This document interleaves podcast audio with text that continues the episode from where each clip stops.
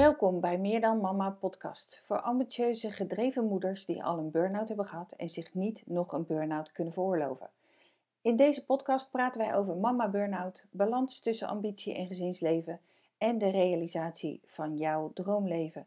Mijn naam is Bianca Meijsen en ik ben jouw host, mama ontstresscoach, transformatietrainer en auteur van het boek In 10 stappen jouw droomleven na een burn-out. Ik praat in deze podcast met diverse professionals die vanuit hun eigen expertise en persoonlijke ervaring hun visie delen over de burn-out en hoe hiervan te herstellen.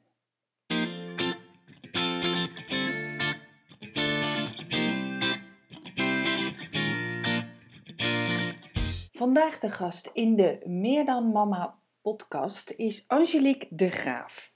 Angelique de Graaf is orthomoleculair epigenetisch therapeut, BrainQ-therapeut en ADHD-therapeut. Een mond vol. En waar het op neerkomt is dat zij kijkt naar de oorsprong en de verbanden van de klachten.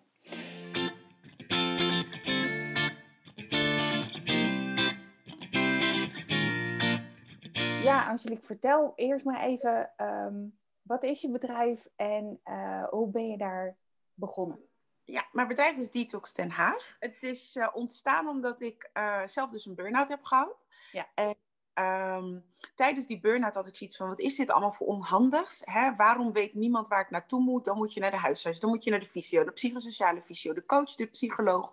Ja, wanneer nou, heb jij een burn-out gekregen? Het begon 2013. 2013, ja. Ja. ja. Dan heb je ook echt wel de hype van alle mensen waar je eerst langs moet en met wie je allemaal in gesprek moet. Ja, de, je binnen het bedrijf, bedrijfsmaatschappelijk werk, uh, de arboarts, uh, psycholoog. Uh, en buiten, daarbuiten doe je natuurlijk zelf ook van alles, alternatief en de huisarts en fysio en zo. En, en ik had gewoon zo'n volle agenda dat ik, uh, en, en overal stelde ik vragen van ja, maar waarom heb ik dit? Hè? Ik had op een gegeven moment dat ik een arbeidspsycholoog als coach. Was ze arbeidspsycholoog? Maakt niet uit voor het verhaal. En, um, en ik stelde daar iedere keer bij elke afspraak stelde ik haar de vraag, maar wat is er nou met mij aan de hand? Wat en gebeurt er nou eigenlijk? Wat ja, wat, nou eigenlijk? En uh, ik heb wel veel gehad hoor aan die gesprekken met haar. Want eigenlijk kwam het erop neer dat zij mij aantoonde dat ik echt niet paste op die afdeling. Maar ze kon, ja, ik kreeg gewoon niet de antwoorden die ik zocht met betrekking tot mijn burn-out en waarom ik in die situatie beland was. Ja. En zo ging ik van haar weer door naar een psycholoog uh, via het werk. Ook een hele goeie. En die, uh, ja, die legde me ja, meer uit over grenzen enzovoort. Maar goed, om terug te gaan naar de vraag. Uh, ik had zoiets van, waarom kan dit niet allemaal op één plek? Ja. Ik vind dit vermoeiend. En ja toen ik dus zelf met mijn bedrijf was gestart, had ik hè, de intentie is en was destijds van het wordt gewoon één plek waar je gesprekken kan voeren, waar je behandeling kan krijgen, waar je uitleg krijgt van wat, wat er met je is en wat je eraan kan doen. Ja.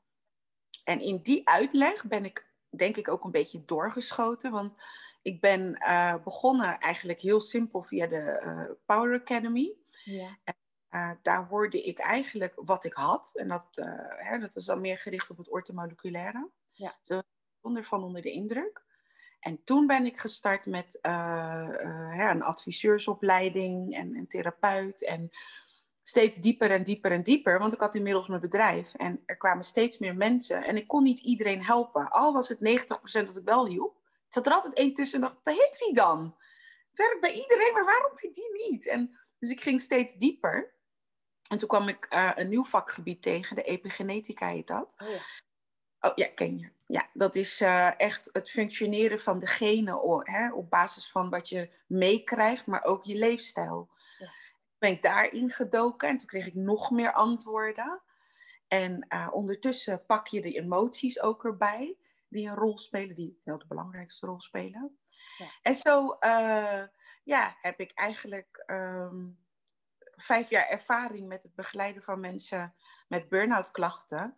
En um, ja, wat, ik, wat je dan tegenkomt, is dat bijvoorbeeld een burn-out helemaal niet altijd alleen maar een burn-out is. Er is een hele dunne lijn tussen burn-out en depressie. Ja. Er is ook een dunne lijn tussen burn-out en PTSS. Ja. Maar zelfs ook virale belastingen. Hè? Dus als iemand vijver heeft gehad, 90% van de mensen in mijn praktijk heeft dat trouwens ja. gehad. Uh, maar dat geeft allemaal, al die dingen die ik opnoem, geven exact dezelfde burn-out klachten. Ja. Ja, wat dat betreft vind ik het ook zo'n mooi, uh, mooi onderwerp om samen met jou uh, erover te hebben. Uh, en ik heb je natuurlijk al gezegd van ik heb je een tijdje ook gevolgd, juist ook vanwege jouw achtergrond vanuit de orthomoleculaire hoek. En het feit dat je, je geeft soms ook online van die mooie presentaties. Jij legt dat briljant uit. Ik vind het echt super informatief voor mij ook nog steeds om daar naar te kijken. Dus dank je wel daarvoor. Vooral met doorgaan zou ik zeggen. en um, weet het, ik had natuurlijk ook meegekregen dat je een burn-out had gehad. Dus ik was ook wel heel erg benieuwd van hoe kijk jij daarna? Hoe um, ga jij ermee om? Nou, je geeft al een klein beetje aan hoe je dat doet binnen je eigen bedrijf. En voor de mensen die nu luisteren, die hebben waarschijnlijk zoiets, wat? Automotive wat hem? En epi gewat? dus ik kan me ook voorstellen dat er mensen nu tussen zijn die echt denken van, ik heb geen idee waar je het nu over hebt. Um, dus misschien wel handig om van daaruit ook een klein beetje uitleg te geven. Um, ook letterlijk van oké, als we nou gewoon het moment nemen waarop eh, bij iemand een burn-out geconstateerd wordt. Want dat is natuurlijk wat vaak dan gebeurt. Zelf vind je vaak nog wel dat het wel meevalt, totdat je die stempel dan ook uitgesproken krijgt. En dan nog denk je soms wel dat je dokter gek is.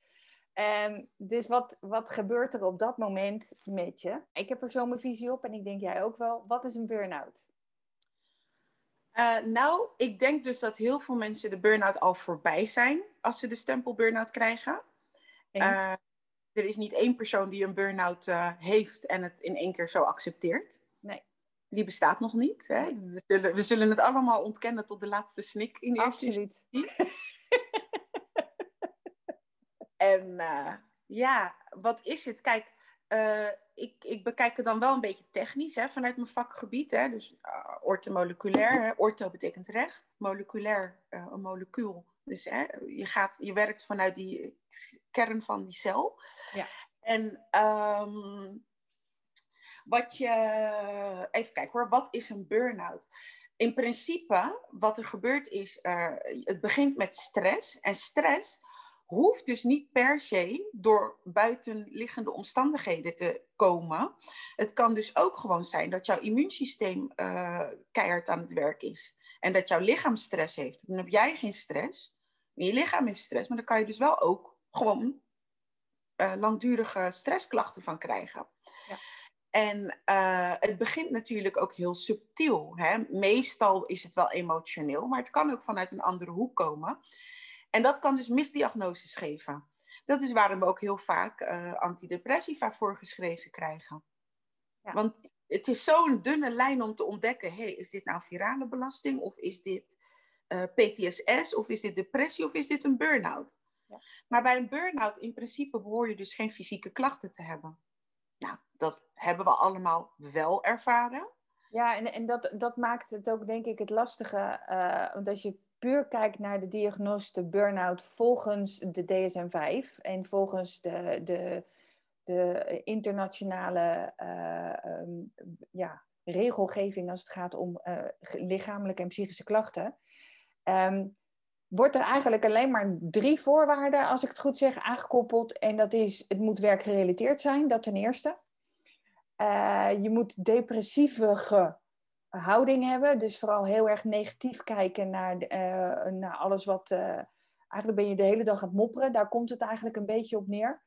En um, ja, zwaar oververmoeid zijn. Dat zijn eigenlijk de drie pijlers waarop burn-out ooit in de 70 jaren, ja, zoiets, 70, 80 jaar, ik weet niet wat precies, de, dacht 76, maar dat weet ik niet meer, werd gediagnosticeerd door die twee psychologen. Maar sindsdien, A, het beeld over burn-out is geëvalueerd, maar daarmee ook de misdiagnoses natuurlijk. Maar wat, wat is het dan? Als ik alleen maar naar mezelf kijk, en ik weet natuurlijk niet hoe jij het hebt ervaren. Maar het moment waarop er bij mij een burn-out werd geconstateerd in 1999, was eigenlijk A, door een uh, symposium wat mijn dokter ook echt net dat weekend had meegemaakt. Over wat is een burn-out en waar kijk je dan naar bij je, bij je, bij je patiënten. En ten tweede, ehm, ik was al eens overspannen thuis geweest. En dat hij dacht van ja, weet je, de klachten die je nu hebt, vooral heel erg fysiek, heel erg veel vermoeid, heel erg, uh, uh, ja, toch wel depressieve kant neigend op. Uh, maakte dat hij toen zei: ja, je hebt gewoon een burn-out. Maar als ik gewoon puur kijk naar de klachten die ik heb, joh, ik kwam niet eens meer van de bank af. Ik kon alleen nog maar slapen. Ik kon alleen nog maar liggen. En dat was, daar werd ik wel depressief van, ja. maar de rest op zich, in mijn beleving mankeerde ik niks. Behalve dan dat ik geen energie meer had en niet meer vooruit te branden was en niks meer kon in mijn beleving. Ook niks meer kon onthouden zelfs. En dat vind ik op dit moment ook al wel het lastige van al die burn-out diagnoses. Ze zijn zo verschillend soms, maar ook soms wat jij zelf ook zegt, uh, mogelijk zelfs misdiagnose. Oh, al die dunne lijntjes. Ja. ja, en het heeft me ook echt wel een paar jaar geduurd voordat ik die dunne lijntjes goed door had hoor. Ja. Hè, want wat ik net zei, dus ik weet nog niet eens of ik het tijdens die podcast zei of niet, maar goed, maakt niet uit. Wat ik net zei, was um, dat ik dus uh, hè, dat ik uh, mensen in de praktijk kreeg. En dan werkte het voor 90% bij iedereen, maar er bleven ja. toch een paar die, waar het net niet werkte. En dat bleef me dan echt lastig vallen. Van, waarom werkt dat niet bij hun? Bij iedereen werkt het. Ja. En toen ik dieper erin dook, kwam ik er dus achter dat de mensen waar het niet werkte, dat waren mensen die de ziekte van Vijver hadden gehad. Oh ja. En ja, een virale infectie verlaat je lichaam niet zomaar. Het blijft er slapend zitten. En dat immuunsysteem blijft er wel gewoon alert op. het moment dat je dan stress hebt, dan geeft het een dubbele klap. Want dan was je eigenlijk al uitgeput voordat je het door had. Ja. ja. En uh, toen ik daarachter kwam, heb ik ze allemaal teruggebeld. Al die mensen die ik niet heb kunnen helpen. Toen zei ik, ik moet terugkomen, ik weet wat ik moet doen. Nou, en toen heb ik ze wel kunnen behandelen uh, ja. Naar behoren. En nu is dat ook een van de eerste dingen die ik doe. Als iemand binnenkomt, heb je vijver gehad? Dat is gewoon het eerste wat ik wil weten. Ja. ja. Dan kan ik er andere invalshoeken er, eraan uh, breien. Maar het is ook... Um, het, het, het, het gaat diep hoor, want uh, je, je hebt zeg maar stress. En dan is het per persoon en per uh, ja, eigenlijk uh, genetische afkomst kan er een andere reactie op komen. De ene kan, ja, ja, ja, ja, ja. De ene kan diabetes krijgen, de andere kan schildklierproblemen krijgen. En dan heb je het weer, eigenlijk weer over de epigenetica. Ja, ja. ja.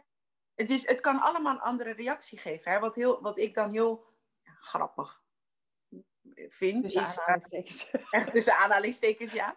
Maar dat uh, hè, altijd ook, als er mensen komen met een trage schildklier. Nou, dan uh, zeg ik van, oh, oké, okay, weet je, dan kan je een heel technisch verhaal ervan maken. Dan zeg ik, spreek je wel eens je emotie, spreek je jezelf uit. En soms willen ze nog wel eens zeggen, ja, ja. Ik zeg, nee, nee, nee, spreek je je emoties uit. Dan krijg je die brok. Ja, ja, ja. ja. Dat doe ik niet. Maar dat is wel waar het begint. Ja. En, dus, hè, en dat, dat gaat dan je vijfde keelchakra, je keelchakra, dus je vijfde chakra. Um, je schildklier heeft daar dus een reactie op. Um, en die schildklier, die beheerst weer je temperatuur. Of die, hè, die, die, die uh, behandelt, of die zorgt ervoor dat je metabolisme goed werkt. Ja. Die zorgt ervoor dat je uh, huid er goed uitziet, dat je nagels er goed uitziet, dat je haren niet uitvallen. Uh, dus die heeft allerlei functies. Hè, vermoeidheidsklachten. Het is heel belangrijk voor je immuunsysteem. Ja. En dat komt dus allemaal in gevaar als je je emoties doorslikt. Hmm. Ja. En dat kan dus echt tot dat soort klachten leiden. Ja. En dan moet je daarmee gaan oefenen. Nou, moet niet. Maar dan, dan, als ik hier aan het werk ben, dan ga ik daarmee oefenen van, nou, wat gebeurt er met je als jij Hè, de laatste keer dat dat gebeurd was, waarom zei je niks en wat gebeurt er nou met je? Waar voel je dat ja. in je lichaam? Ja. Maar goed, bij de ene en de andere ja, slaat het op de darmen. De andere krijgt, uh, hoe noem je dat, gewrichtsklachten. Het is ja, heel dat ging, dat ging ook inderdaad door me heen. Van, je zou bijna als luisteraar denken van... oh, als ik mijn emoties niet uit, dan komt het dus op mijn keel. Ja, was het maar zo simpel. Uh, want het kan op allerlei plekken zijn uiting geven... en heel erg afhankelijk van jou als persoon, als ervaring... als uh, inderdaad wat je zegt van... vanuit de epigenetica kan je natuurlijk vanuit heel veel hoeken doen. Maar als je het Gewoon puur kijk van waar ben je in opgegroeid? Wat is je gezin? Hoe werd daar met emoties omgegaan? Uh, hoe is de cultuur waar je in geboren bent? Hoe, werd daarmee omgegaan met stress? En moet je niet lullen, maar poetsen om met de Rotterdamse uitspraak maar te gebruiken? Of uh, weet het, um, welke situatie ben je in opgegroeid? Kan ook heel erg bepalend zijn als je als alles in de buitenwereld pijs en vree is, heb je een hele andere opgroeicurve, om het zo maar even te zeggen, dan als je in een oorlogssituatie of, iets, of een gewelddadige situatie überhaupt opgroeit. Dus de uitingen daarvan zijn ook dan ook weer zo verschillend. En, ehm, en wat ik het mooie vind aan wat je net zei, en ik denk dat dat, dat zwaar onderschat wordt, er wordt zo vaak gezegd dat je um, eigenlijk uh, nou ja, ten eerste, burn-out, denk 9 van de 10 is werkgerelateerd. Nou, dat hoeft al helemaal niet. Het kan ook echt juist door een thuissituatie gebeuren. En sowieso een burn-out is natuurlijk over een hele periode opgebouwd en niet van vandaag op, uh, op gisteren. En um, het andere is, uh, wat ik mooi vind aan wat je vertelt, is dat het soms niet eens zozeer te maken hoeft te hebben met een privé situatie of een werksituatie maar dat het te maken heeft met iets in je eigen lichaam of virus of hoe je het noemen wil. In ieder geval, je lijf beleeft een constante stress. En dat hoeft niet eens daadwerkelijk zo te zijn, maar je lijf registreert een constante stress. En ik denk dat die zwaar wordt onderschat door heel veel mensen. En misschien ook wel mee de reden waarom heel veel mensen denken van nee hoor, ik heb nergens last van. Ja, wat ook heel veel, wat extreem veel gebeurt. En vooral nu. Uh, ik, dat, ik, ik ben echt wel wat dat betreft een beetje verdrietig van de tijd waar we nu in zitten. Dat we nu de donkere dagen ingaan en dat er zoveel angst en paniek heerst. Ja. Uh, maar... En daarmee verwijs je eigenlijk even voor de luisteraars naar de corona-periode en de maatregelen. Ja. ja. En ik vind het echt, ik vind het bijna gemeen Um, omdat het, uh, we gaan de donkere dagen in, dus dat is al zuur. Dat is al een periode waarin de serotonine daalt, hè, waar, waarbij mensen dus down worden. En dan moet je ook nog eens alleen in je huis gaan zitten en uh, in angst. Ja, en ik moet dan ook ineens weer denken aan die oxytocine, uh, oxytose, moet ik het wel goed zeggen. Van, um, dat we elkaar ook niet eens mogen aanraken, niet eens bij elkaar in de buurt mogen zijn. Dat je echt denkt, why? Ja, ja en, en, en weet je, ik had het niet. Ik, ik kijk al sinds 2003 heb ik geen kabel-tv, dus ik, ik, ik, hoor geen nieuws en zo. Ik heb niet één persconferentie gezien. En uh, ik loop in de supermarkt maandag en uh, ik zie iedereen. En, uh, en ik liep een beetje zingend door die supermarkt, waar eigenlijk normaal gesproken mensen me al hadden aangekeken, waardoor ik mijn mond had gehouden. Maar niet echt iedereen schuchter weg. Ik denk, nou, er zal wel wat gebeurd zijn. Ja. Zo of dinsdag was het of zo. Nou, er zal wel wat gebeurd zijn. Ik dacht, wat is er met die mensen? alsof dat virus er niet twee dagen eerder zou zijn of zo. Nee, klopt. Maar ineens iedereen helemaal angstig. En, en wat ik er, waarom ik het zeg, is um, wat helaas heel veel mensen niet weten. En, en ik, ga, ik, ik, ik doe echt mijn best om daar meer rugbaarheid aan te geven. Maar angst en paniek, dat is eigenlijk een GABA-probleem. Ja, en, en dan hebben de luisteraars zoiets, wat, GABA? GABA is een stofje, GABA is een stofje. Uh, GABA-amino-boterzuur. En dat is een stofje. En eigenlijk op het moment dat je dus inderdaad last hebt van angst, paniek, maar ook aan uh, drukte in je hoofd, uh, het niet goed uit kunnen schakelen van prikkels, overgevoeligheid voor geluid, overgevoeligheid voor licht, uh, dan praat je gewoon over een GABA-probleem. Ja. Niet zomaar gaan aanvullen, alsjeblieft. Doe het wel met een ervaren persoon, want je mag niet zomaar GABA combineren met bepaalde medicatie. Maar um, het hoeft ook niet, hè, het, het, het, het, het kan dus ook best vrij eenvoudig verholpen worden. Ja. De, de, ik hoop dat je mij wil corrigeren als ik het verkeerd zeg, maar de manier hoe ik hem eigenlijk altijd onthoud, is wanneer de GABA-productie niet juist is of in balans is, of hoe je het noemen wil, dan schiet je heel erg in je oerbrein. Dan schiet je heel erg in de overleefstand en is het bijna onmogelijk om te kunnen filteren wat werkt voor je, wat werkt tegen je, waar ben je nou eigenlijk bang voor? Is het wel uh, relevant of maak je jezelf, om het maar even zo te zeggen, gek eigenlijk van angst? Uh, en ehm, als die GABA-productie dus niet goed genoeg is, dan krijg je jezelf er ook bijna niet meer uit. Nee, nee, nee. En, en, en het, nogmaals, ik wil vooral benadrukken, het is niet nodig. Hè? Als je, ga alsjeblieft googlen en zoek het op wat het is. Want dan zal je zien van, dat is wat ik heb. Ja, precies. En, en wat ik misschien ook alvast mee kan geven, is dat de productie van GABA hangt heel erg samen met het functioneren van je darmen. Oh ja. Dat is één route waarop ja. uh, GABA aangemaakt wordt. Ja. Uh, en darmklachten, ja, darmklachten en stress, dat is één en één. Bijna wel, ja. ja. Dat is, uh, hè, want die bloedvaten vernauwen en uh, die spijsvertering is gewoon iets minder relevant. Hè? Want als, op het moment dat jouw lichaam stress ervaart, nogmaals bedoeld of onbedoeld, ja. hè, dus dat, dat, dat jij het niet ervaart, maar dat je lichaam dat ervaart, dan wordt er gezegd van nou, we gaan nu niet uitgebreid zitten aan de tafel om een maaltijd te nuttigen. Dat is gewoon niet zo relevant. Dus je eetlust verdwijnt en die spijsvertering wordt vertraagd.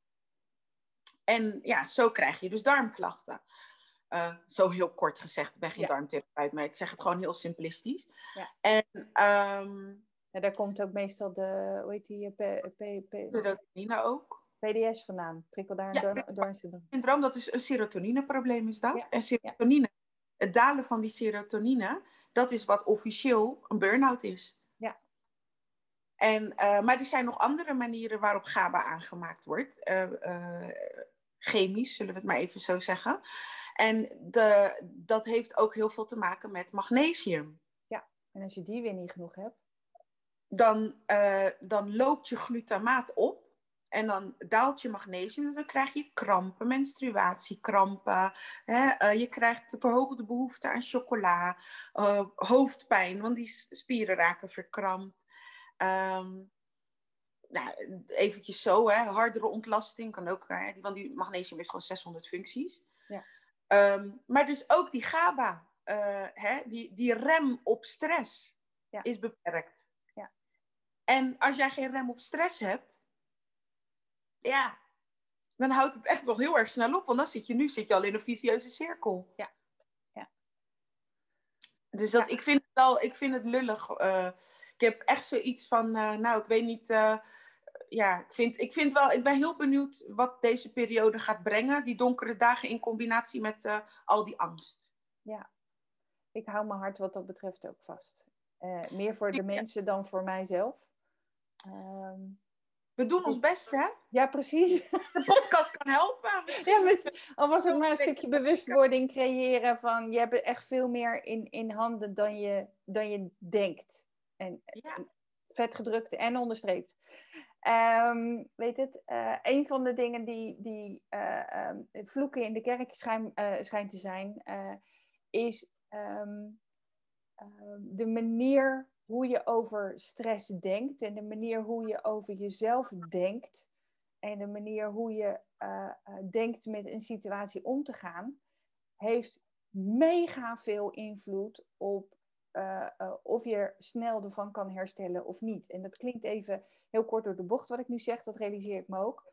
Um, maar um, positief durven zijn in een periode als nu, waarin je eigenlijk wel beperkt wordt in, in, je, in je vrijheid of in de mogelijkheden die je, die je hebt, is niet voor iedereen even makkelijk, maar bijna noodzakelijk om, om het maar even zo te zeggen, te overleven nu.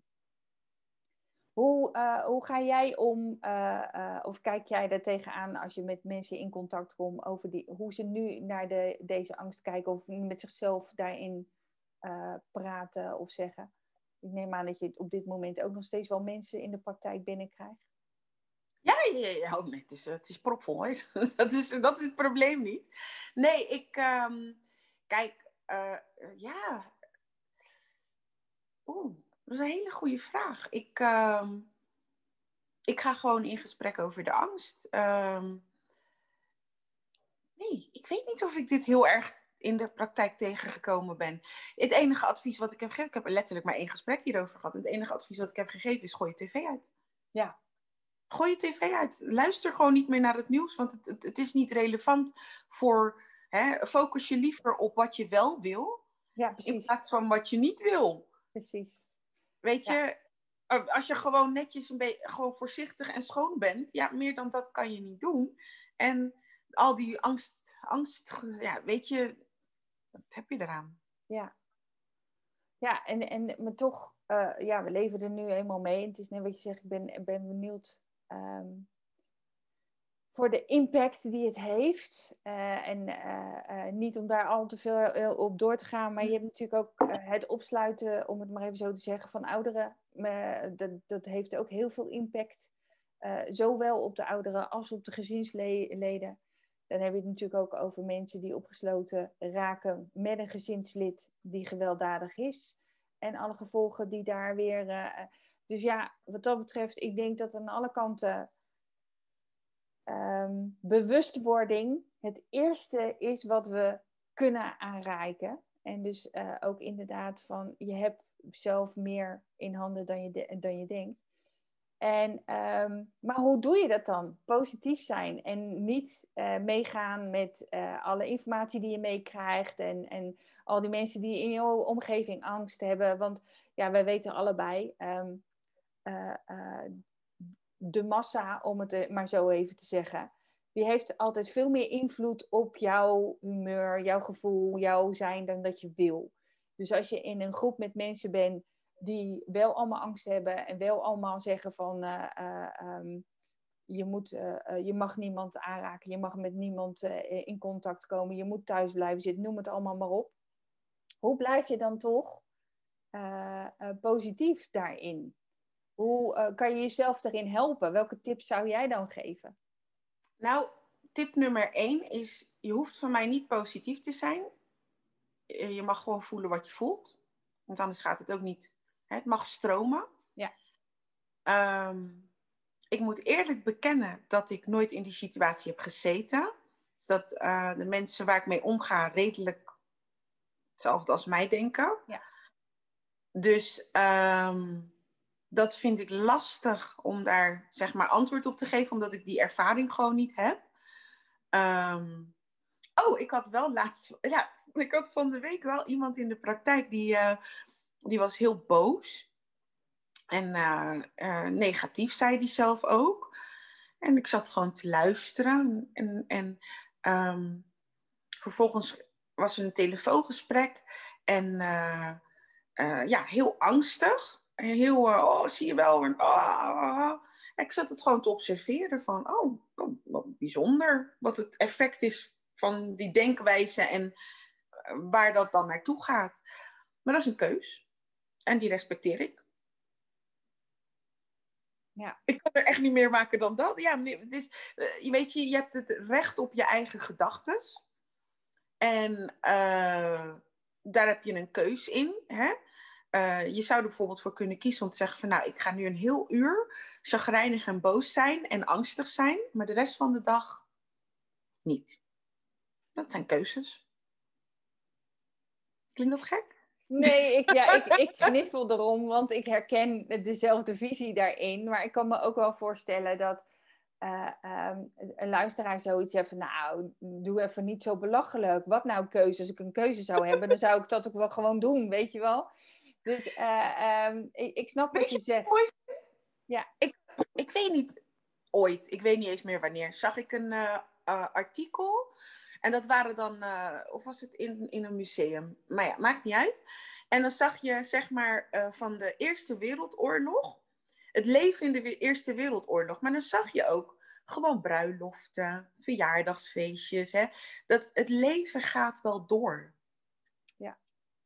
En dat zou ik nu ook adviseren. Het leven gaat wel door. Ja, er is iets aan de hand. Nou, als ze dat in de Eerste Wereldoorlog ook lukte om gewoon te leven, moet het ons ook nu ook gewoon lukken.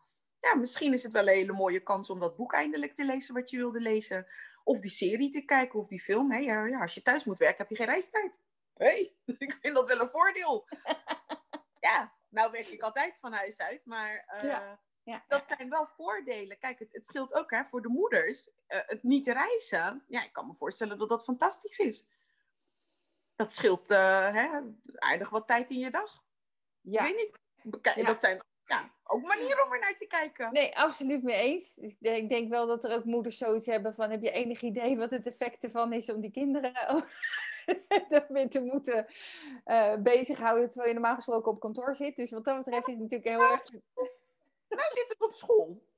Ja, precies. Reizen. Ja, ja. Maar het is, eh, waar het vooral natuurlijk om gaat, en daar, daar verwijs je natuurlijk naar, is, is het glas half leeg of al vol, of ga je naar de kraan? Of weet je, op welke manier kies je ervoor, en daar zit dan wel de keuze in, ehm, hoe je eh, ernaar wil kijken. En dat wil nog niet gelijk zeggen dat als je zegt van ja, ik wil er wel positief naar kijken, dat je hem ook gelijk weet te vinden. Wat is positief? Uh, maar de keuze alleen al maken van oké, ik wil niet in angst leven en ik wil niet uh, weet het, met stress leven. hoe zorg ik er dan voor dat ik mijn focus kan verleggen? En ik denk dat daar de grootste tip in deze ook in zit hoe kan je je focus verleggen? En A, je hoofd heb je daar heel erg bij nodig om uh, in plaats van uh, te zeggen, letterlijk de zin, ik wil niet bang zijn, of te zeggen, ik wil meer plezier. Dat is een ja. hele andere focus. Maar ook wat jij natuurlijk aangeeft, van wat, hoe zit het in, op lichaamsniveau? Hoe zit het in je, in je uh, immuunsysteem? hoe hoger die is, hoe sterker die is, hoe makkelijker het daar natuurlijk ook weer gaat. En nou gaf, gaf je natuurlijk tips over uh, de serotonine, de GABA uh, en eh, de magnesium. Um, ja, gaf je ook aan van, ja, weet je, ga niet zelf lopen freewheelen erin. Nee, nee, nee, nee. weet je, na, na vijf jaar studie heb ik wel door dat dat een, een, een het is een spinnenweb. Ja. En uh, dat spinnenweb zit helemaal in mijn hoofd en dat kan ik helemaal zo uh, uitkristalliseren. Hè? Want bij de ene zit het meer bij de insuline en bij de andere zit het hier. Hè? Ja. Soms kan heel diep gaan. Maar wat je wel kan doen, is ja, goede magnesium Himalaya vlokken. Oh ja. Dan heb je al 600 functies in je lichaam die je ondersteunt. Um, een, een goede uh, lavendel, een pure lavendelolie, dat doet ook al lekker veel. Maar wat ik zelf, waar ik zelf heel enthousiast over ben, en dat is, hoeft ook helemaal niet duur te zijn, is gewoon safraan. Oh, safraan doet zoveel. Zo Eén kopje safraan. Uh, thee bedoel ik dan. Hè? Ja. Dus je vijf takjes erin. Ja, anders is het wel erg. kopjes, dat is heel duur. Maar, maar één kopje safraan thee, ja takjes met uh, een, een, uh, een kopje, uh, met een, hoe noem je dat, groene thee. Dan heb je theanine en saffraan. Ja, dan heb je echt al heel wat in handen voor heel weinig. Hè? Wat ik nu opnoem, ben je met een tientje bij wijze van. Het begint al vanaf een tientje. Ja. En daarmee kan je je lichaam zo ontzettend ondersteunen op zoveel functies. Ja. En gewoon heel bewust er, voelen. Want bij een burn-out voelen we al niet meer. Nee, dat is uh, in mijn beleving ook de voornaamste verschil tussen overspannenheid of uh, uh, oververmoeid of wat dan ook. Is dat je bij een burn-out ook gewoon letterlijk niet voelt in je lijf wat je voelt, wat er gebeurt, hoe je emoties zijn. En, ja, maar ik huil toch? Ik weet toch wel wat verdriet. Ja, zeg ook niet dat je niets voelt, maar het is, het is heel erg aan de oppervlakte. En eigenlijk uh, pas wanneer het de overload er is, dan pas neem je het waar. En niet al die hele periode ervoor waarop het er al lang is. Ja, het moet worden ontladen. Ja. ja. Maar vind ik wel mooie tips inderdaad. Himalaya uh, magnesiumvlokken. Uh, lavendel. En mijn kanttekening daarbij is, dat is niet de kruidvat met 1% lavendel nee, erin. Nee, nee, nee. Ik sterk ik weet niet eens of dat mag, maar ik, ik raad doTERRA aan. Ja, me too. Dus wat dat betreft, uh, tik hem aan. ja, doTERRA, echt. Ik, ik, uh, ik heb zelf toen ik mijn dochter kreeg en zij eigenlijk al lang weer doorsliep, kreeg ik het maar niet voor elkaar om door te slapen. Toen ben ik met de lavendel uh, van doTERRA begonnen. Nou, ik sliep weer als een roos. Dus ik kan hem van harte aanbevelen. Ja. En uh, safraan inderdaad in een kopje thee. En dan doe je gewoon een schepje of uh, een, nee, de, nee, vijf takjes, had je het over? Ja, je gewoon vijf takjes. Gewoon takjes, oké. Ja. En dan doe je dat gewoon zes weekjes. En dan zijn de scherpe kantjes er echt wel vanaf. Ben je, het hangt er ook vanaf waar je zit. Hè? Ik bedoel, ja. Hangt er maar vanaf wat je hebt. Maar in ieder geval kan je op die hele simpele manier door magnesium voetenbad. Nou, dat is nog lekker ook. Ga je ontspannen, lekker warm water. Hè? En daarna lekker je voeten met lavendel uh, verwennen. Gaat lekker weer de Terwijl je een kopje safraanthee drinkt met, uh, met groene thee erbij. Nou, nou verwen momentje voor jezelf. Doe nog even meditatie in je oren en je bent helemaal uh, het vrouwtje. nee, maar dat is, kijk, als ik... Ik kan niet heel erg veel van de afstand doen, maar als ik een klein advies mag geven dat, uh, dat zijn hele simpele dingen die je voor jezelf kan doen. Zeker. En, en ga gewoon zitten en ga gewoon tot rust komen. Zet je hand op je onderbuik en adem naar de warmte van je hand toe. En zo maak je weer contact met jezelf. Ja, eens. Ja. ja, en als er dan nu de gedachte door je heen gaat, daar heb ik geen tijd voor, dan juist.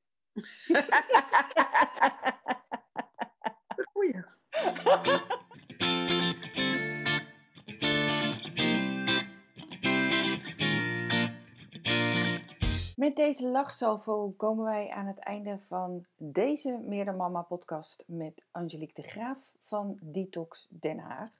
Die vanuit haar ortomoleculaire werkwijze tips heeft gegeven over de aanmaak van serotonine, de GABA-onbalans en het gebruik van magnesium bij herstel van een burn-out. Daarnaast hoorde je haar visie vanuit de epigenetica en haar persoonlijke ervaringen over stress in de huidige omstandigheden vanwege alle coronamaatregelen. Wil je meer persoonlijk advies? Ga dan naar detoxdenhaag.nl. Woon je niet in de buurt van Den Haag? Vraag dan een telefonische intake aan, zodat ze je kan adviseren over het gebruik van supplementen bijvoorbeeld, waarvan je ook een aantal via haar webshop kunt krijgen. Zijn er verder nog vragen over wat je hebt gehoord in deze podcast of andere zaken? Stuur gerust een e-mail naar info@meerdanmama.nl.